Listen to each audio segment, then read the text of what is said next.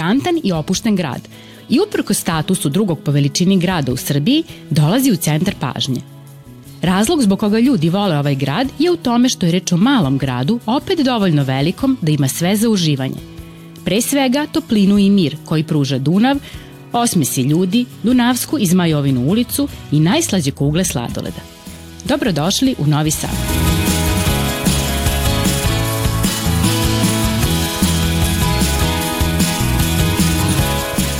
Junaci naše današnje priče su deca iz osnovne škole Ivan Gundulić iz Novog Sada.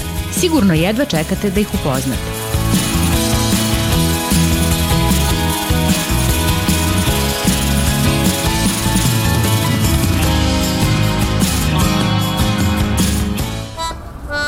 Una, jedna veoma interesantna umetnička duša.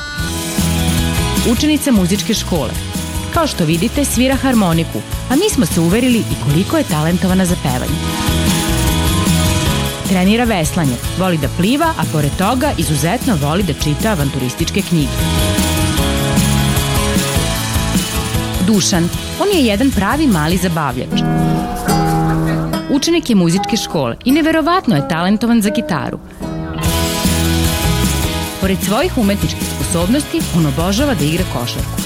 A pogodite komu je idol, pa Nikola Jokić. Volao bi da jednog dana postane košarkaš, a možda bude uspešan kao i on. Mi čvrsto verujemo u to.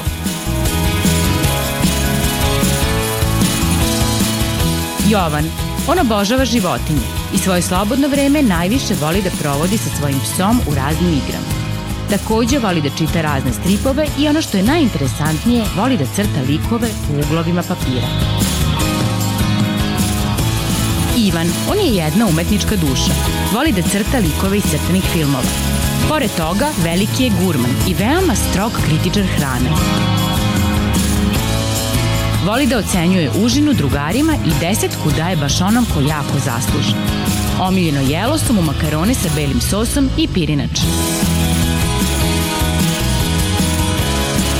njihov peti prijatelj koji će im pomoći da današnji zadatak reše je Ognjen. On je student novinarstva i ponekad hodajuća enciklopedija. Zdravo drugari, moje ime je Ognjen. Drugari me često zovu Meda zbog mog prezimena Medića. Volim da gledam filmove i crtaće, a pogotovo da čitam stripove o superherojima. Iako sam veliki dečak, ja u svojoj sobi dalje držim puno igračaka na police i još uvek ih kupujem. Takođe, volim da skupljam bioskopske postere koji na sebi imaju zanimljive likove iz sveta superheroja.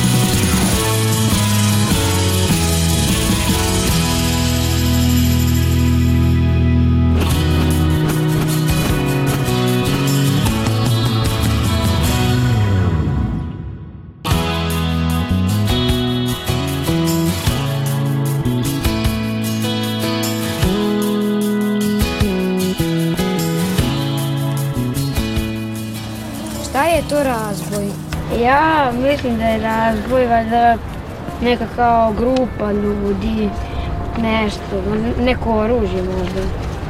Ja mislim da je to možda kao uh, grupa razbojnika koji su krenuli da uh, ratuju ili tako nešto.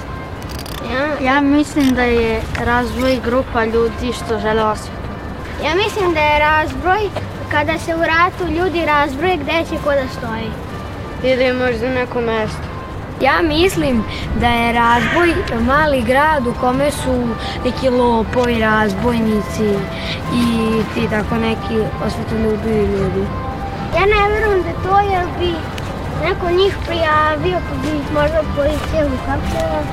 Ja ne verujem da to. Mislim da je to. Ili je to možda neka vrsta materijala? Ja mislim da je to ona mašina na kojoj se stave noge pa se onda skače s njom. Razboj je možda kada se na fizičkom razbojava ja, onako da. prvi, drugi, prvi. Ali nije to, što pa. A šta mislite da pitamo druge šta oni misle? Može. Ajde. Ajde.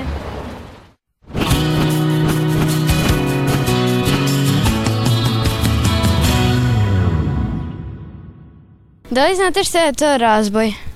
Razboj? Znamo, pljačka. Razboj? Da. Ovu ne znam. Razvoj pa to je sprava za vežbanje. Razboj kao predmet neki. Razboj, se to nešto koristi za fizičkom, je li tako, na fizičkom?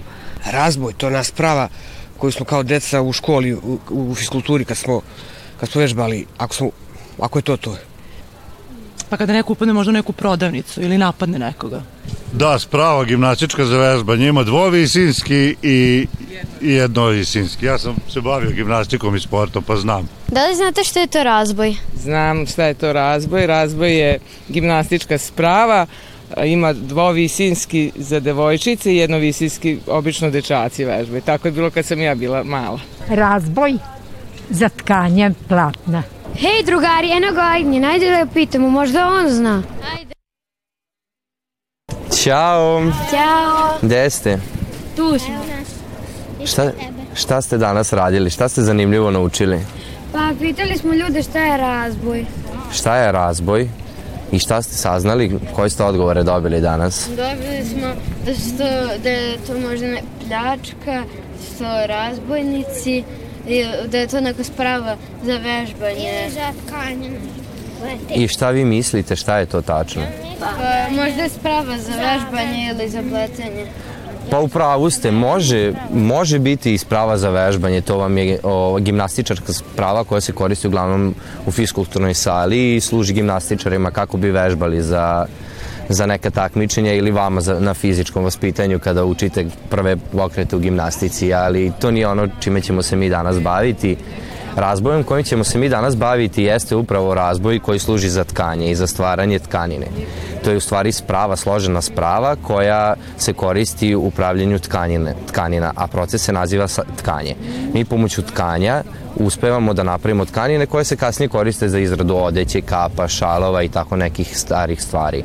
A sad, pošto se i naša sama emisija zove Precija počeci, ispričat ću vam jednu zanimljivu priču. Razboj datira još iz doba starih Egipćana, starih Grka, možda i još i ranije. Kažu da je postao pre, 400 godina pre nove ere i on je služio upravo kao što se i danas služi za, za pravljenje raznih tkanina i raznih odevnih kombinacija i odevnih predmeta a zanimljivo je znati da se razboj nekada, znači razboj koji se nekada koristio, isti takav se i danas koristi, samo što je malo modernizovan i mašine u stvari rade na principu starog razboja. Da li ste raspoloženi, da li imate vremena da odemo kod moje prijateljice da vidimo kako izgleda razboj i kako teče proces tkanja? Da. Hajdemo.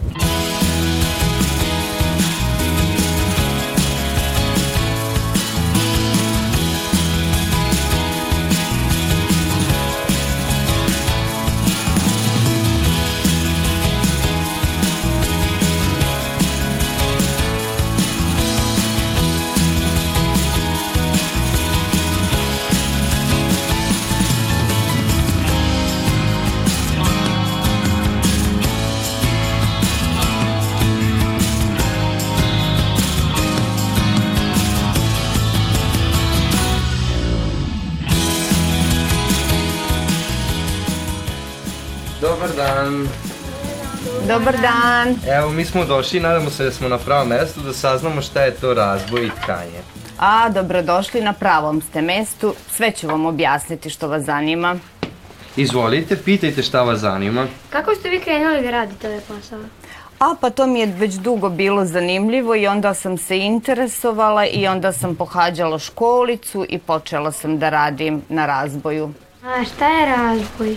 Razboj je naprava za tkanje. Razboj je jedna od prvih naprava koje je čovek smislio na početku civilizacije da bi mogao da se odeva, da mu bude toplo.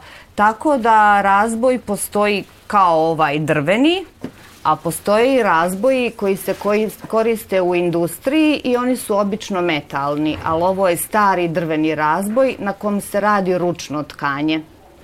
A šta je najteže što ste napravili? Najteže što sam napravila? Pa to su neke haljine koje se tkaju u krug. Pravi se kao crevo, eto ta iza vas je takva haljina. Ona se radi u jednom komadu na razboju bez šivenja. Koliko dugo treba da se e, sve ove, sve ove, sva ova tkanina na, nameste na svoje mesto? A to je malo duži proces. Prvo mora da se snuje, pa da se postavi na razboj, pa da se onda sve ove niti provuku kroz ove nićanice, pa kad se provuku kroz nićanice, onda se provuku kroz ovaj metalni deo koji se zove brdo. Posle toga se vezuju za ovaj robni valjak. Kad se vezuju, onda krećemo sa procesom tkanja. A šta sve može, šta sve krojite? A, pa na razboju se tka i ovaj može da se otka sve što može da se obuče. Znači mogu da se otkaju šalovi, šeširi, torbe, pončoji, haljine, pantalone, a mogu čak i da se rade čilimi kao prostirke, a mogu da se rade i umetnička dela koja se zovu tapiserije. Koji materijali se koriste za tkanje? Pa za tkanje se koriste obično ovaj prirodni materijali, a to su lan, pamuk, vuna, svila, da bi predmeti bili što lepši i kvalitetniji, onda se koriste prirodni materijali. Da li je teško sve to raditi? Pa nije, nije. Kad te nešto zanima, onda to nije teško. Vrlo je zanimljivo, jer možeš da se igraš. Jer je tkanje u suštini prepletaj a, raznih materijala, raznih konaca i vuna. Prepletaj se rade tako što se napravi ova potka, u stvari ova osnova, a ovo što je na čunku to se zove potka.